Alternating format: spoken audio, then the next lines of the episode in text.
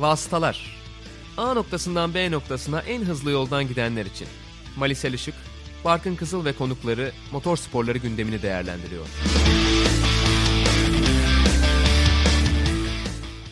Vasıtaların 41. bölümüne hoş geldiniz. Bu bölümde Sahir Grand Prix'sinin ardından sizlerle birlikteyiz. Malisel Işık ve ben Barkın Kızıl. Her zaman olduğu gibi mikrofonlarımızın başındayız. Mali hoş geldin. Hoş bulduk. Aslında tabii bu bölümü açarken yarış hafta sonunun öncesine biraz gitmemiz lazım. Çünkü hafta içinde gerçekten epey olaylı bir haftayı geride bıraktık öyle demek lazım. Ve beklenen olaylardan belki ilki çünkü Roman Grosjean'ın tabii ki durumunu çok yakından takip ettik. Hastaneden gelen görüntüleriyle de beraber zaten sonrasında bol bol açıklamaları da oldu. Hatta kaza anını anlattığı çok da güzel bir videosu var. Onu da dinleyicilerimizin izlemesini tavsiye ederim. Bayağı detaylarıyla anlatıyor Grosjean. Her neyse sonuç olarak Roman Grosjean'ın yarışmayacağını öğrendik. Önümüzdeki hafta Abu Dhabi'de yine Pietro Fittipaldi yer alacak ve aynı gün içinde de Haas Nikita Mazepin'i açıkladı. Dolayısıyla iki önemli haberle başlamış olduk. Ve tabii ki sonrasında Lewis Hamilton'dan gelen Covid-19 pozitif haberi ve ardından gelen George Russell haberi ve bu olayların arasında da Haas'ın Mick Schumacher'i duyurması bize dop dolu bir hafta yaşattı. Aynı zamanda tabii Russell'ın Mercedes koltuğuna geçmesiyle de Jack Aitken Williams'ta bir şans buldu. O da yine hafta içinde açıklanan haberlerden bir tanesiydi. Tabii çoğu sporun hani sezonunun bittiği bu noktada da bu kadar hareketli bir hafta sonu herhalde bir tek Formula 1'e nasip olabilirdi. Evet değil mi? Yani NBA henüz başlamadı. Ligler çok ekstra bir şeyler olmayan bir dönemde aslında öyle söylemek lazım futbolda. Çoğu sporun senin de söylediğin gibi zaten sezonu bitti. Olanların da çok hareketli olmadığı dönemler. Aslında şey biraz NBA'de e, haberler vardı yani onlarda da birkaç işte takaslar şunlar bunlar bir şeyler vardı ama yani normalde zaten sezon öncesi orada benzer şeyler bekliyorsun. Yani bir şeyler gelir işte olması gereken zaman içerisinde. F1'de haftanın ilk üç günü bu kadar haberli olmaz normalde yani. Hamilton'ın testi hemen tabii pazartesi biraz şüphelenmiş belirtiler gösterince. Ondan sonra testinin pozitif çıkması George Russell. Ki bir taraftan şunu da söylemek lazım. E, Lewis Hamilton'ın Abu Dhabi'de yarışması için her şeyin çok yolunda gitmesi gerekiyor. Her şey tıkırında giderse 10 günlük karantina süresini negatif testlerle doldurup Perşembe günü Bahreyn'den çıkıp Abu Dhabi'ye gidebilir. Biraz ucu ucuna biraz zor görünüyor. O yüzden Jack Aitken ve George Russell yine bu haftaki yerlerinde olabilirler. Ee, Abu Dhabi'de. Bu arada Mercedes patronu Toto Wolff'un da bir açıklaması var bu konuyla ilgili. Onu da hemen yeri gelmişken paylaşalım. Eğer Hamilton sağlıklı olursa Hamilton yarışacak. Eğer olmazsa da bir kez daha George Russell'ı göreceğimizi ifade ediyor. Altını çizmiş olalım. Çok net. Çok net tabii. Yani Stoffel van Dorn'a bir yedek tabii ki ama fırsat varken eğer Williams da izin verirse George Russell'ı yarıştırmak istedikleri haberleri dolandıktan hemen sonra zaten Williams bu izni verdi. Zaten bunun ne kadar doğru bir karar olduğunu da yarışta gördük. Tabii George Russell odak noktamızdaki isimdi. Beni de açıkçası Mick Schumacher'le beraber en çok heyecanlandıran iki isimden bir tanesi oldu bütün bu gelişmelerin içinde. Onun Mercedes aracına alışma dönemi aslında çok kısa bir pencere içinde gerçekleşmek zorundaydı ki Lewis Hamilton aracıyla yarışıyor tabii ki. İki isim arasındaki boy farkı da en ciddi sıkıntılardan bir tanesini yarattı. Hem işte iki numara küçük ayakkabılar giymesi gerekti hem kokpite sığma konusunda zaten büyük problemler yaşamış ki hatta biraz sıkış tepiş olduğu için işte buz tedavisi uygulamış kendisine sürüş yaptıktan sonra. O şartlar altında bile mükemmel bir hafta sonu geçirdi zaten oraya da geleceğiz. Ama George Russell'ın herhalde uyum süreci bize onun ne kadar aslında adaptif bir pilot olduğunu da anlatıyor. Çünkü tuşların yerlerini bile genelde karıştırdığını duyduk hep ilk günlerde özellikle. Evet yani senin de söylediğin gibi fiziksel rahatlık çok önemli bir şey aslında ve iki tane normal Formula 1 pilotu ebadındaki pilota göre hazırlanmış bir araç sonuçta. 1.80'in altındaki isimler ikisi de Valtteri Bottas'la Lewis Hamilton'da. Dolayısıyla oraya gelmek ve o araca tam anlamıyla oturup rahat hissedebilmek çok kolay olmasa gerek e, George Russell için ama bunu hiç dert etmedi. Ki aslında başına gelen daha doğrusu pilotları etkileyebilecek ufak tefek şeyler hatta büyük şeylerin hiçbirini dert etmedi neredeyse. Ben e, soğukkanlılığını ve bu ya her şey olur tamam problem değil ayarlarız e, tarzını çok beğendim. İki numara küçük ayakkabı falan yani rahatsız eder normalde. Tam şey gibi halı sahaya son anda çağırdığın arkadaşın tam problem değil abi ayakkabı bulun küçük de olsa olur giyeriz şey yaparız tarzı. Çok uyumlu insanlar vardır ya Tam öyle bir performans sergiledi diyebiliriz. Bir de öğrenmesi gereken o kadar çok şey var ki senin de söylediğin gibi yani standartize bir direksiyon yok neticede. Standartize bir direksiyon olmadığı gibi sadece takımlar değil pilotlar üzerinde dahi çok değişiyor. İki pilotun bile birbirinden çok farklı konfigürasyonlar kullandığını zaten biliyoruz. Güzel videolar yapılıyor bu konularla alakalı. Onların hepsine aracın özelliklerine, aracın karakteristiğine alışıyor olması gerçekten çok kolay değildi. Bir de şöyle bir durum var. Geçen hafta e, Bahreyn Grand Prix'sinde yani Sakir Grand Prix'si öncesindeki Bahreyn Grand Prix'sinin layout'unda Williams'la yarıştığı için o bilgiyi silip üzerine Mercedes bilgisini koyması gerekiyordu. Birkaç viraj özelinde en azından. O da biraz zorlamış. İlk virajda özellikle çok vakit kaybettiğini gördük. Daha doğrusu kaybettiği vaktin önemli bir kısmını ilk virajda kaybettiğini gördük e, Cuma ve Cumartesi günlerinde. Yani onlara rağmen bu kadar kısa sürede ancak bu kadar iyi hazırlanılabilirdi. Daha iyisi olmazdı. Sabah akşam sürekli mühendislerle toplantılar ve o geçiş sürecini daha rahatlatacak çalışmalar yapmışlar. Onun da karşılığını aldı. Zaten harika da bir giriş yaptı. İlk iki antrenmanda doğrudan en iyi dereceyi kaydettikten sonra 3. antrenmanda biraz geride kaldı ve sıralamada da Bottas'ın sadece binde 26 saniye gerisinde ikinci sırayı almayı başardı George Russell. Tabi bu noktada herhalde şunu da söylemek lazım. Valtteri Bottas'ın yarışçılığının genel anlamda en güçlü yanı tek turdaki performansı gibi gözüküyor. Sıralamalarda yer yer Lewis Hamilton'ın da önüne geçebildiğini görüyoruz. Tabi yarışta genelde bu durum pek böyle olmuyor ama neredeyse Bottas'ı en güçlü olduğu alanda bile mağlup ediyordu George Russell. Yani binde 26 tabii şöyle bir durum var. Biraz işin ters tarafını da düşünelim. Çok Bottas karşıtlığı gibi olmasın. De yani objektif değerlendirmek lazım belki. E, fark yaratılabilecek çok fazla bir alan olmayan bir pist. Nitekim bunu da gördük zaten. Özellikle tabii sezonun diğer yarışlarına göre daha az komplike denilebilecek bir pist diyebiliriz. Ama pistin en problem yaratan orta sektöründe George Russell daha hızlıydı. Genellikle bunu gördük daha doğrusu. Binde 26'yı biraz e, enflasyona uydurmak lazım çok kısa bir tur olduğu için. Ama yine 0.2 saniyenin altı yani en uzun turda bile 0.1-0.15 olabilecek bir fark. Yani onu biraz daha büyütür e, ölçeğine uydurursak.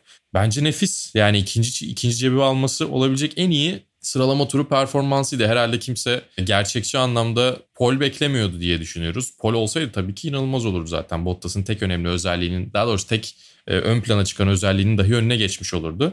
Ama bence çok çok sağlam bir sıralama turu performansı sergiledi. Ki cumartesi günü pilotu olarak biliyorduk George Russell'ı. Yani takım arkadaşlarına şimdiye kadar hiç geçilmemişti sıralama turlarında. Bu ilk oldu. Ama böyle böyle olmasına da çok itiraz olduğunu zannetmiyorum. Olacaksa böyle olsun demiştir pazar günkü performansı Williams'la pazar günkü performanslarındaki o eksikliği biraz araca yormamız gerektiğini de gösterdi. Çünkü Williams'la pazar günü yapabileceği şeylerin ne kadar sınırlı olduğunu ve elinde iyi bir araç olduğunda ne kadar iyi şeyler yapabildiğini gördük.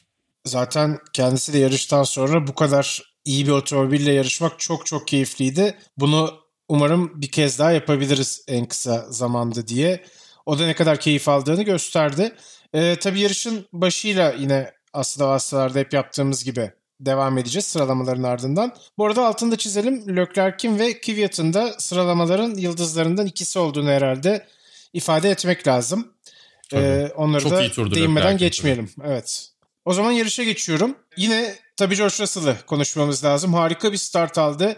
Valtteri Bottas'ın önüne geçmeyi başardı startla beraber. Hatta Bottas biraz fazla yavaş kaldı. Neredeyse ikinci pozisyonu bile kaybedebilirdi ki derken o meşhur kaza geldi. Aslında hafta sonunun daha doğrusu yarışın çok renkli geçeceğinin ilk işaretçileriydi herhalde. Leclerc, Perez ve Verstappen bir anda sıkışı verdiler dördüncü virajda ve sonrasında Leclerc Perez'e temas etti. Verstappen de onlardan kaçmaya çalışırken kendini bir anda dışarıda buldu. Hatta biz seninle kendi aramızda da konuşuyorduk. Max Verstappen o kazadan muhtemelen kendisini kurtarabilirdi ama e, muhtemelen onun önünde bekleyen kaçış alanının nasıl bir yapıya sahip olduğunu kestirememiş olabilir bu farklı layout'la beraber. Evet yani tamamen asfalt bir kaçış alanı olsaydı kurtarabilirdi ya da o anda o an içerisinde düşünemedi biliyorsa da e, çakıl havuzuna çıktıktan sonra zaten bariyerlerden aracı uzak tutamayacağı belliydi. Daha iyi kurtarabilirdi yani aslında bildiği bir pist daha doğrusu etrafındakilere tamamen hakim olduğu bir yer olsaydı bence oradan kendini daha rahat kurtarabilirdi. E, Charles Leclerc de suçu üstlenmiş. Max Verstappen Leclerc'e haklı demiş. Yani hatalı demiş. Zaten ceza da aldı. Evet onu da söyleyeyim. Leclerc Abu Dhabi'de 3 sıralık bir grid cezası aldı bu kazanın ardından. Tabii enteresan noktalardan biri de şu anda yarış sonu için bir spoiler ama elbette herkes izlemiştir. Sergio Perez 18. sıraya yani son sıraya gerilemiş oldu. Bu kazanın ardından tabii ondan sonra da yükselişi zaten başlayacak. İnanılmaz ya. O zaman kaza sonrasıyla devam edelim. Yeniden start elbette söz konusuydu ve Bottas'ın yine çok kötü bir başlangıç yaptığını gördük. Bu kez Carlos Sainz Bottas'ı geçmeyi başardı fakat Sainz de çizgiyi kaçırdı. Belki biraz fazla heyecanlandı ya da işte o avantajını korumak için biraz fazla zorladı ve biraz pistin dışına taşınca da Bottas pozisyonunu geri aldı. Bottas'ın aslında biraz daha uğraşması gereken şeyler mevcut olabilirdi eğer Sainz önde kalabilseydi bir süre daha. Çünkü ikili arasında lastik tercihleri farklıydı. Carlos Sainz'ın yumuşak lastiklerle başladığını söyleyelim yarışa. Bottas ise orta hamurla yarışa başlangıç yapmıştı ve Belki ee, şey olabilir bu arada. Hı. Carlos Sainz e, güvenlik aracı arkasında lastiğini istediği gibi çalıştıramamış olabilir. Çünkü testlerden bir tanesi oydu. E, bölüm içerisinde e, ara ara bahsetmek gerekiyor bence. George Russell'ın e, yarışın startından sonra gü- ilk güvenlik aracına kadar farkı güzel bir şekilde açıp orada tuttuğunu gördük. Güvenlik aracı sonrası yeniden startta ne yapacağını ben merak ediyordum. Orada süperdi zaten. O, o testten bir geçti. Bir tik attık yanına. Bottas orada da sınıfta kaldı. Startta da sınıfta kalmıştı. E, Carlos Sainz de geçti ama zannediyorum e, güvenlik aracı arkasındaki lastik ısıları e, ile alakası var diye düşünüyorum. Ve tabii DAS'ın DAS sisteminin burada e, ne kadar etkili olduğunu da söylemek lazım. Belki o avantajı Bottas kullanmıştır tekrar. Ya bu arada bu noktada istersen konuşalım. Herhalde Bottas'ın üzerindeki baskının da Lewis Hamilton'la yarışmaya kıyasla daha fazla olduğunu ifade etmek lazım. Çünkü burada alacağı iyi bir sonuç zaten olması gereken sonuç gibi kabul edilecekken Russell'ın arkasında bitirmesi onu bir anda biraz fazla okları üzerine çekecek bir noktaya çekecekti. Yani çok doğru ifade edemedim ama herhalde anlaşılmıştır. Russell'a geçilmemesi gerekiyordu. Evet, Bu yarışı aynen öyle. başlayıp kazanması gerekiyordu. Çünkü Bottas şu anda takımın birinci pilotuydu. Lewis Hamilton'ın bir adım gerisinde olduğunu göstermek istiyorsa da iyi bir araçta hiç tecrübesi olmayan tamam büyük bir yetenek ama ne olursa olsun yani F2 günlerinden beri elinde doğru düzgün bir araç olmayan bir e, yeteneğe e, geçilmemesi gerekiyordu. Ama yani karşısına çıkan her testte George Russell iyi bir pilot olduğunu gösterirken aynı durumlarda Bottas bu yarışta sınıfta kaldı. Ben formsuz gidişatının değişeceğini düşünüyordum bu hafta. Çünkü üzerindeki e, Lewis Hamilton baskısı kalkacak diye düşünüyordum ama farklı bir baskı vardı. O baskı altında da ezildi açıkçası. Kötüydü yani. Sonrasında bir süre boyunca olaysız devam ettik. 20. turda Norris Perez Albon üçlüsünün ilk 10 için savaşı söz konusuydu. Hatta galiba 9. sıra için savaşı söz konusuydu yanlış hatırlamıyorsam. Red Bull'da da tabii alevlenen bir Perez Albon tartışması var. Her ne kadar gelen haberler biraz daha Albon'un koltuğuna tutunmaya devam edeceği şeklinde olsa da hala Sergio Perez o koltuk için ciddi adaylardan bir tanesi. Zaten bu hafta değişmiş içinde... olabilir ya. Bu hafta sonrası değişmiş olabilir belki. Yani geçen hafta sorsanız %90 derdim çünkü Red Bull tutmaya yakın gibi duruyor Albon'u diye ama ya üst üste bu kadar iyi performanslarla e, Perez'i de göz ardı etmemeleri lazım bence. Perez'in zaten bu hafta içinde de online olarak yaptığı bir açıklama vardı. Red Bull'da bir koltuk bulursam devam edeceğim yoksa bir sene dinlenip ondan sonraki sene için farklı opsiyonlarım var demişti Meksikalı sürücü. Herhalde bu da doğrudan bir mesaj olarak algılanması lazım. Red Bull'da yarışmak istediğini Kesinlikle. ifade ediyor Sergio Perez. Nihayetinde Perez zaten hem Norris'i hem Albon'u geçmeyi başardı. Ve yine ikili bir hani düello varsa oradan Perez galip ayrılmış oldu. Bu kısa vadeli düello da diyelim tekrar. Tabii sonra Perez hiç hız kesmeden tırmanmaya da devam etti. 57. turda Lance Stroll'ün arkasına geldi bu defa. Orada da yine ilginç sayılabilecek bir mücadele görebilirdik. Lance Stroll biraz fazla agresif savunmayı denedi bana sorarsan. Sen pek katılmıyorsun galiba ama bu hafta sonu sanki bu pist tasarımında, bu pist layoutunda biraz daha Formula 2'de görmeye alışkın olduğumuz bir savunma gibi geldi bana. Ve bunun sonrasında blokaj yaşadı ve Perez'i arkasında tutamadı. Ya bence orada tereddüt yaşadı. Yani şöyle bir şey var. E, bu Sakir Grand Prix'si layoutuyla outer loop dedikleri e, layout'la dördüncü virajda çok daha e, içeriye çok daha sağa doğru e, gitmek yerine e, biraz daha sol tarafa doğru gidip o orta kısmı geçiyorsunuz. Dolayısıyla e, savunma yaparken sağ tarafa biraz daha yanaşabilecek fırsatınız var. Daha sert bir viraj değil. Apex kaçırıp çok dışarıya hız taşımanız gereken bir yere sarkmıyorsunuz. O yüzden düzlük içerisinde arka düzlükte biraz daha e, şeye doğru sağ tarafa doğru kapatabiliyorsunuz. Bunun çok abartılı örneklerini F2'de gördük zaten. Ceza da aldı Nikita Mazepin. Bence onu yapmaya çalıştı. Sonra vazgeçti çünkü frenajından çok emin değildi. O tereddütle birlikte e, ne böyle sert bir savunma yaptı ne tam bir savunma yani tam e, geçmesini bekleyip arkasına yerleşti. İkisinin arası bir şey olunca zaten dengesi bozuldu. Frenajı kaçırdı. Ama çok sert bir savunma değildi bence. Yani Bahreyn Grand Prix'si layout'u olsaydı sert bir savunma diyebilirdik. Çünkü ikisinin de e, Apex'i tamamen saçma bir şekilde kaçırıp ya da en azından bir sonraki virajda dengeyi kaçırıp dışarıya taşıyacağı bir savunma olurdu. Ama bence e, bu layout için bu pist bu kullanılan pist için çok abartılı bir savunma değildi. Ama olabilirdi. Bir an aklımdan geçirdi gibi sanki. Evet bir de tabii söz konusu isim takım arkadaşı olunca biraz olduğundan daha agresif de gözüküyor aslında. Onu da söylemek lazım. Hmm. Yani genelde çünkü en takımların istemediği şey iki takım arkadaşı arasında bir temas yaşanması. Bir anda bütün yarıştaki şansınız kayboluyor. Stroll'ün de herhalde evet senin dediğin gibi aklından şöyle bir geçti bana da sorarsan ama her neyse sonuç olarak Perez geçiş yapmayı başardı. Sonrasında da zaten o konu yakalayıp geçti ki o konuda aslında hafta sonunun sessiz gücüydü diyebiliriz herhalde. Yani hiç radara takılmadan gidip kariyerindeki ilk podyumu aldığı ikincilikle beraber. istersen bu noktada onu konuşalım. Belki sonra değinmek için fırsatımız olmayabilir. Yani bu yarışta o konunun adı ne kadar anıldı emin değilim ama sonuç olarak gitti ve hem Ricardo'nun önünde bitirmesi çok önemli kendisi için. Çünkü ikili arasındaki performanslarda Ricardo'nun bu sezon ciddi bir üstünlüğü var. Hem de podyumda yer aldı. Evet yani Esteban Ocon'un bu yarıştan nasıl ikinci çıktığına dair çok net bir söyleyebileceğim bir şey yok. Çünkü yani ekstra bir performans görmedik. Sonuç ekstra olsa da. Ama bu da bir yetenek aslında. Yani herhangi bir probleme karışmadı ve önündeki fırsatları güzel değerlendirdi. Ee, dolayısıyla önündeki pilotlar eksildikçe, onlar geriye düştükçe o fırsatı yakaladı. Yani söke söke almadı belki ya da tırmanarak kazıyarak oraya varmadı ama yani her sonucu, her podyumu da öyle elde etmek zorunda değilsiniz. Takdir edilisi bir performans ama görkemli bir performans da değil. Bir de bu sezon gerçekten çok öne çıkmayan bir isimdi Ocon. Belki sezonu kurtaran bir derecede diyebiliriz herhalde. Tabii tabii ihtiyacı vardı böyle bir podyuma. İyi de oldu. Tabii yarış bu noktada da yine işte Perez'in 3. sırayı almasından sonra da hiç durulmadı. Hatta bunun aksine ortalık biraz daha karıştı. Çünkü 63. turda Jack Aitken start finish düzlüğüne çıkarken bir spin attı. Hatta bu spinin aynısını Albon da yine antrenmanlarda atmıştı.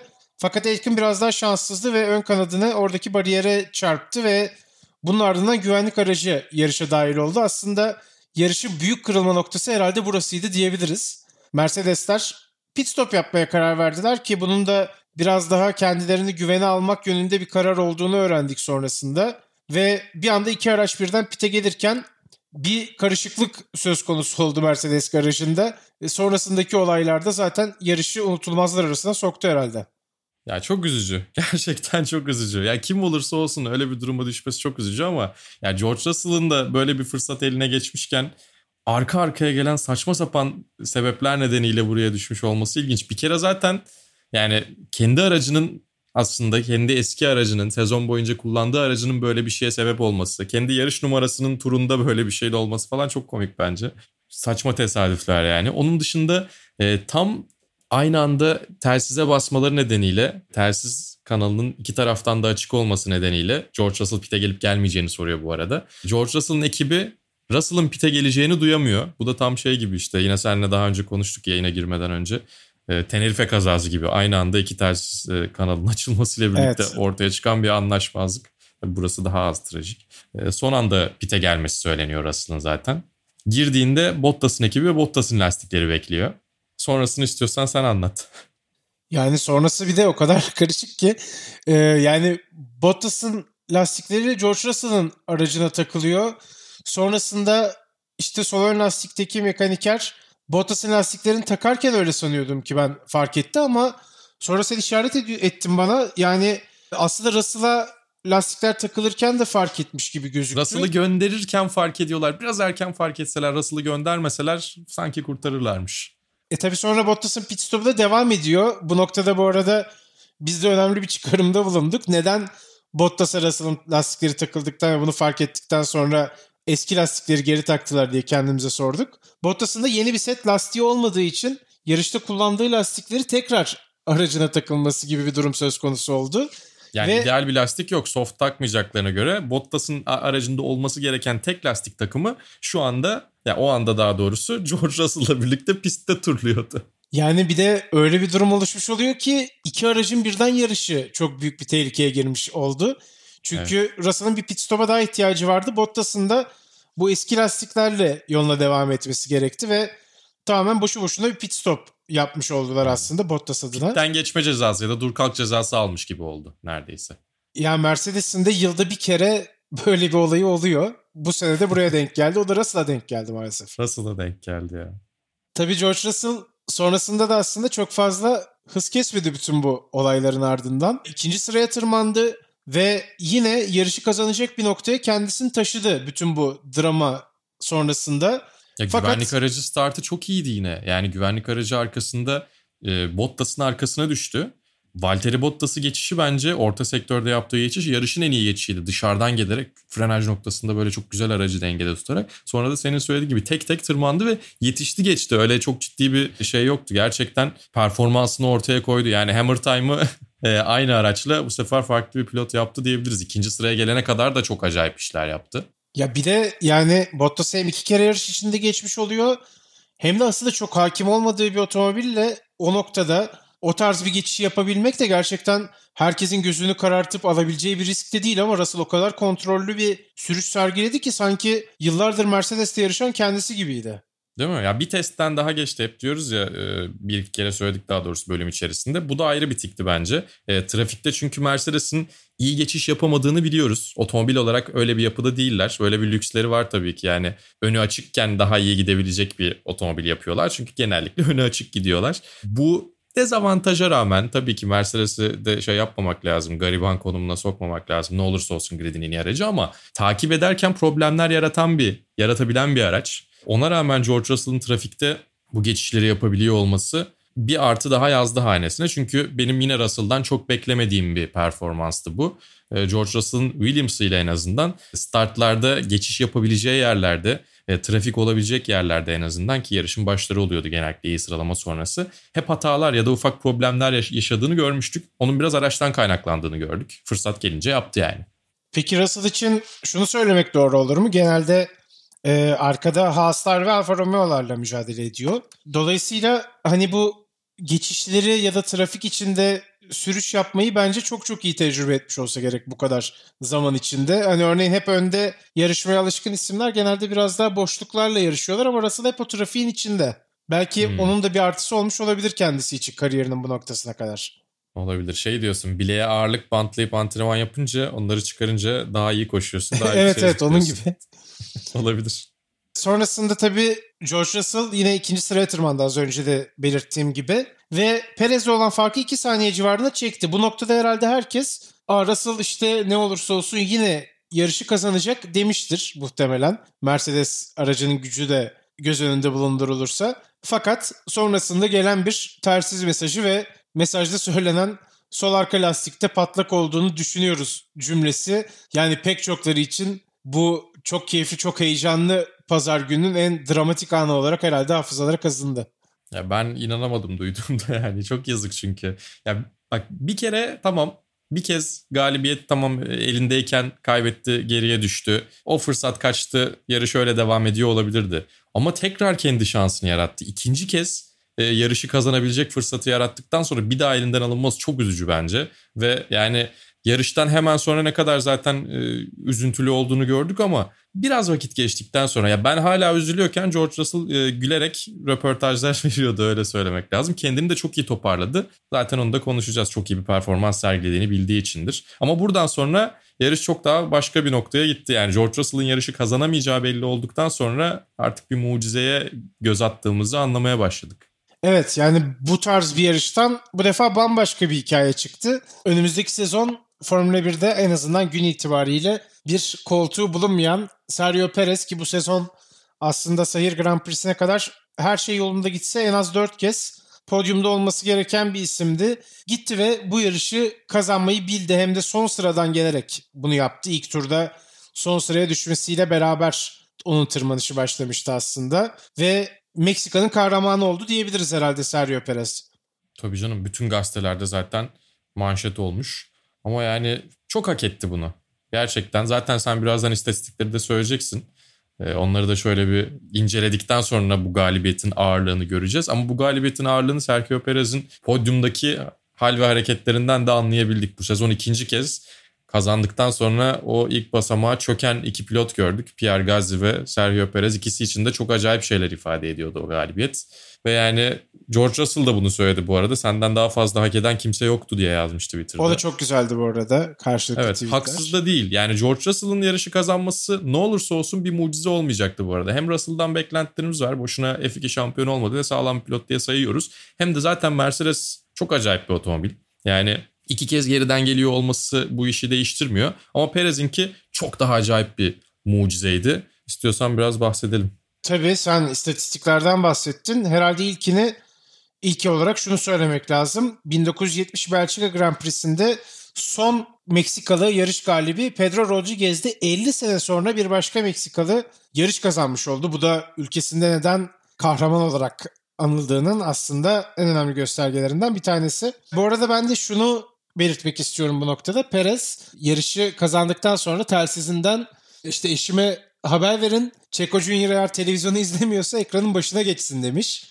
İşte ilk galibiyetini görmesi için babasının. Bu da bence yarışın en güzel Çok anlarından tatlı. bir tanesiydi. Ve tabii enteresan başka istatistikler de var. Bunlardan bir tanesi Mark Webber'in yarış kazanmadan önce en çok yarışan pilot ünvanını elinden almış olması. 130 yarıştı Webber'in rekoru. 190 yarışa çekti bunu Sergio Perez. İnanılmaz. Ya 190 yarışlık kariyeri olan kaç tane pilot var zaten. Yani o kadar uzun biraz da bir geçtiğimiz sezonlarda Formula 1'in modern döneminde, son döneminde yarış sayısının artmasıyla da alakası var ama 190 yarışlık bir kariyer bile çok acayipken bir kariyerlik bir süre boyunca çok da yaklaşık bu arada yani hani ciddi sayıda podyumlar elde edip hep o galibiyete bir adım uzakta kalıp o galibiyetten uzak kalmak. Neredeyse Nico Hülkenberg'in podyuma yaklaşıp bir türlü podyuma çıkamaması kadar e, Sergio Perez'in de e, galibiyete çok yaklaşıp galibiyetten uzak kalması vardı. Ama tabii ki podyum zaten çok başlı başına bir başarı oldu. Ve galibiyet de yani herkesin alamayacağı bir şey olarak değerlendirildiği için Formula 1'de belki o kadar Perez'in şanssızlığı gibi bir başlık ortaya çıkmıyordu. Ama 190 yarış sonunda ki yani iniş çıkışlarla dolu bir kariyerden bahsediyoruz. Çok güçlü gelip Sauber'de harikalar yaratıp sonunda kendini bir fabrika koltuğuna atıp o fabrikanın McLaren'ın son dönemlerdeki en kötü o dönemki daha doğrusu en kötü sezonuna ve çöküşün başlangıcına denk gelmesi. Oradan sonra tekrar kariyerini e, bu takımla Silverstone takımıyla demek lazım. E, Jordan olarak başlayan e, sonrasında e, çeşitli çehrelerle gördüğümüz en son Racing Point olan takımla kariyerini tekrar inşa etmesi ve birlikte büyümeleri aslında o takımı da bulunduğu noktaya getiren başarıları elde etmesiyle şu anda bir yarış galibiyeti haline getiren yolculuğun son noktası. Ama tabii keşke devam ediyor olsalardı. Lawrence Stroll demiş umarım Red Bull Sergio Perez'le anlaşma imzalar diye de abi o zaman kovmasaydı. yani evet. Ha bir de bu hikayede şöyle bir aslında dönemeçte var. Perez'in takımı bat yani kapanmaktan kurtardığı bir an var. Onu da Evet. tabii unutmamak lazım. Aslında bu takıma çok fazla emeği geçen de bir isim Sergio Perez ve bence çok anlamlı oldu ilk galibiyetlerin Çok, onunla gelmesi. çok. Tabii bir başka rekor aslında tarihe geçen bir başka olayda ilk turu son sırada bitirip yarış kazanan ilk pilot olması Perez'in. Ben bunu senden duydum ve yani inanamadım. hani nasıl bu kadar uzun tarihli bir spor organizasyonunda böyle bir şey olabilir diye ama ilk defa olmuş. Evet. Ya genellikle zaten hani son sıraya düşüp de kazanan da çok fazla yok. Birkaç tane sayabiliriz. İşte çok gerilerden başlayıp kazanan var. John Watson'ın özellikle ilk 20'nin dışından kazanması var. İşte Jenson Button'ın 2011 Kanada var.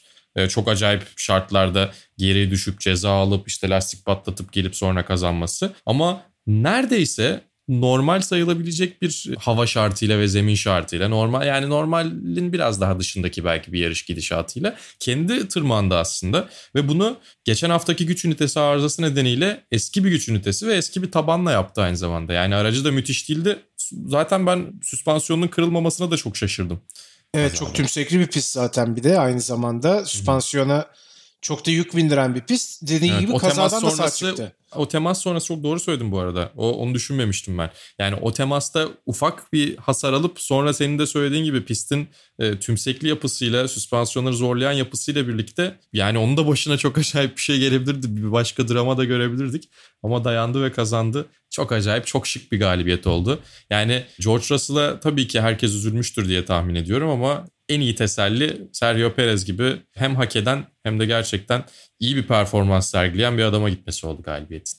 Evet yüzde yüz. Bir de geçen hafta yine podyumu kaçırdı drama ile beraber. Evet. Yani çok çok iyi bir final oluyor onun içinde eğer özellikle devam etmeyecekse önümüzdeki yıl ki e, aslında istersen bunu da konuşalım. Yani Albon yerine Perez tercihinin anlaşılmayacak hangi yönü var sence? Ben bunu da merak ediyorum aslında.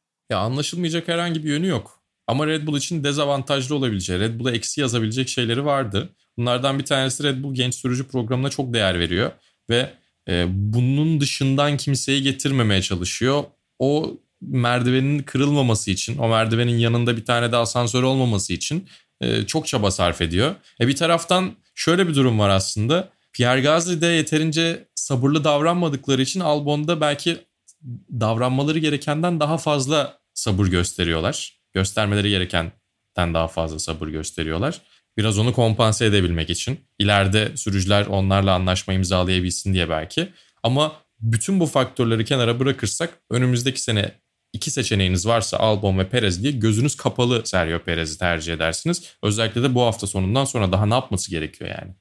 Evet ya bir de Albon'un da çok parlak bir sezon geçirdiğini söylemek mümkün değil. Hatta Christian Horner'ın da geçtiğimiz hafta eğer bir sürücü değişikliği olursa bu sürücü Red Bull Akademisi'nden bir isim olmayacak şeklinde bir açıklaması var. Yani kapıyı da açık tutuyor. Aslında Christian Horner'ın genelde açıklamalarından çok bir anlam çıkartmamak lazım. Çünkü genelde ortalık karıştırmayı evet, seven. Sağ gösterip sol vurmayı da seven bir isim. Dediğin gibi biraz kaos yaratmayı da seven bir isim. Heyecanla bekliyoruz diyelim. Herhalde ama Albon'un favori konumundan en azından %50 %50'yi gerilediğinde söylemek yanlış olmayacak diye düşünüyorum. Doğru. Bir de eğer Alex Albon önümüzdeki yıl Red Bull'la yarışmayacaksa kenarda bekleyeceğini de söyledi Christian Horner. Yani Alfa Tauri koltuğuna gitmeyecek. Evet oraya muhtemelen gidecek isim belli oldu. Birazdan onu da konuşalım. Son bir dipnotumuz var çünkü bu yarışla ilgili. 2009 Malezya'dan beri ilk kez Mercedes, Red Bull, Ferrari veya McLaren'ın podyumda olmadığı bir yarış geride kaldı. Bu da enteresan. Yani 11 yıl sonra bu 4 takımdan herhangi birisi podyumda yer almadı. Bunu son başaran isimleri de istersen sen paylaş. Yani 3 takım da aslında şu anda Formula 1'de yok. Button Brown GP ile. Bu arada o yarış da tamamlanamamıştı. O da çok garip bir yarıştı Malezya Grand Prix'si. Çok yoğun yağmurla. İşte o Felipe Baby Stay Cool e, şeyinin de ortaya çıktığı yarış aynı zamanda. Jensen Button Brown GP ile kazandı. Nick Heidfeld BMW ile ikinciydi. Timo Glock da Toyota ile üçüncüydü. Yani o kadar böyle fi tarihi ki ne isimler burada ne takımlar burada. Çok eski. Dört büyüklerin de zirvede olmadığı, podyuma herhangi bir şekilde çıkamadığı bir yarış hakikaten çok acayip. O zaman ekleyeceğim bir şey yoksa Formula 1 gündemimizi kapatıyorum. Değineceğimiz birkaç konu daha var tabii ki bu bölüm içinde. Onlardan ilki Formula 2. Sonunda bir şampiyonumuz var. Son yarışa kaldı şampiyonluk ve Mick Schumacher enteresan bir şampiyonluk aldı diyebiliriz. Aslında hala biraz zamanımız var. İstersen çok ufakta değerlendirelim. Ee, onun dışında da tabii az önce yarım bıraktığımız konuyu kapatalım ilk olarak. Yuki Tsunoda sonunda süper lisans puanlarını e, yeterli seviyeye çekti ve muhtemelen %90 diyelim herhalde Alfa Tauri'nin koltuğunda Japon sürücü olacak. Tabii Helmut Marko tebrik etmeye geldi sezonda e, podyuma evet. çıkarak tamamladı. Orada açıkçası işler biraz belli oldu. Şampiyonluk yarışı çok ilginçti çünkü Mick Schumacher cumartesi günkü performansıyla zaten işleri kolaya almıştı. Yani daha doğrusu işler onun için kolay görünecekti. Callum Aylett'ın risk alması gerekiyordu. Ama ne Callum Aylett puan alabildi ne Mick Schumacher puan alabildi. Ben öyle bir son yarış hangi seride hatırlıyorum? Herhalde çok çok aklıma şu anda aklıma gelmiyor. Çok da izlememişimdir diye düşünüyorum. Şampiyonluk adaylarından iki tanesinde puan alamayıp bu şekilde farkın korunarak şampiyonluğun ilan edildiği, şampiyonluğun verildiği. Ben hatırlamıyorum. Yani garip bir final oldu. Mick Schumacher iyi bir performans sergilemeden şampiyon oldu aslında. Ama sezonun geneline baktığımızda ikinci sezonunda yine F3'te olduğu gibi, F3 Avrupa Şampiyonası'nda olduğu gibi F2'de de, Formula 2'de de e, ikinci sezonunda ön plana çıktı. Biraz şansı da vardı açıkçası çünkü e, çok iyi yetenekler ilk senesinde olduğu için e, o tecrübeyi de kullandı açıkçası. Önümüzdeki Robert Schwarzman çok acayip işler yapabilir. Yani sezonun en çok yarış kazanan pilotu değildi Mick Schumacher ama en istikrarlı pilotuydu kesinlikle. Hem lastiklerini iyi kontrol etti sezon boyunca hem de istikrarını elde ettiği podyumlarla, sonuçlarla gösterdi. Tabii yarış hafta sonunun daha doğrusu son yarış gününü e, lastikleri çok iyi kontrol edemeden bitirdi ama bu öğrendiği iki özellik belki de F1'de en çok işine yarayacak, Formula 1'de en çok işine yarayacak iki özellik olacak, iki yetenek olacak. O yüzden umut veren bir sezon geçirdi diyebiliriz Mick Schumacher. Her sene üzerine koymaya devam ediyor ama tabii alışma sürecini göreceğiz. Çok beklentiyi yükseltmeden takip etmek lazım onu. Tabii biz onun aslında Alfa Romeo'da genelde Kimi Raikkonen'le takım arkadaşı olabileceğini düşünüyorduk ama enteresan biçimde Haas'la başlayacak Formula 1 kariyerine. Aslında Haas takımında tabii bir yenilenmeye ihtiyacı var gibi gözüküyordu. Belki onlar için de bu anlamda daha aslında anlaşılabilir iyi bir hamle gelmiş oldu diyebiliriz. Bakalım öğrenme süreci nasıl geçecek? Tabii ki Mick Schumacher sonuç olarak bu sporun en büyük efsanesinin oğlu ve gözler ne olursa olsun onun üzerinde olacak kariyeri boyunca. Ve Porsche kupasından bir haberimiz var. Porsche Sprint Challenge'dan daha doğrusu bir haberimiz var. Porsche Sprint Challenge Orta Doğu mücadelesinde yine bizi ilgilendiren bir gelişme meydana geldi bu hafta içinde. Çünkü Lehner Racing DHL aracına Ayancan Güven'i davet etti ve Ayancan Güven de her zaman yaptığı işi aslında yaptı diyebiliriz herhalde. Evet yani sen söyledin bana güzel bir istatistik yazdık buraya. İkinci antrenmanlar hariç hiçbir seansta geçilmedi. İki pol, iki galibiyet. Baştan sona lider götürdüğü iki yarış. Ya ne denebilir ki yani müthiş bence ve birkaç aydır da aslında e, araçtan uzak kalmıştı. Fiziksel olarak otomobile geçmemişti. Gelir gelmez bir de yine e, 15 saatlik aktarmalarla uğraşmış çocuk baya koştura koştura e, biraz da son dakika bir davetle birlikte gitti. Geldi gördü yendi açıkçası yine. Sezonu da yılı da böyle biraz güzel kapatmış oldu en azından. Evet gerçekten harika bir sonuç tamamen dominasyonuyla geçti Ayhanca'nın. Kendisini de tebrik edelim. Ve son bir motorspor gelişmemiz. Dünya Rally Şampiyonası'nın finali Monza'da gerçekleşti. Ve Sebastian Ogier sürpriz bir biçimde 7. şampiyonluğunu aldı. Elfin Evans'ın da bu şampiyonluğu kaybeden taraf olduğunu tabi ifade etmek lazım. Ogier de bu şampiyonlukla Sebastian Loeb'le olan farkı ikiye indirdi diyelim ve Vastaların 41. bölümünü de bu şekilde noktalayalım. Mali ağzına sağlık. Önümüzdeki hafta Abu Dhabi Grand Prix'sinin ardından artık Vastaların bu Formula 1 sezonunu değerlendireceğimiz son bölümü yayında olacak. Dinlediğiniz için teşekkürler. Hoşçakalın. Hoşçakalın.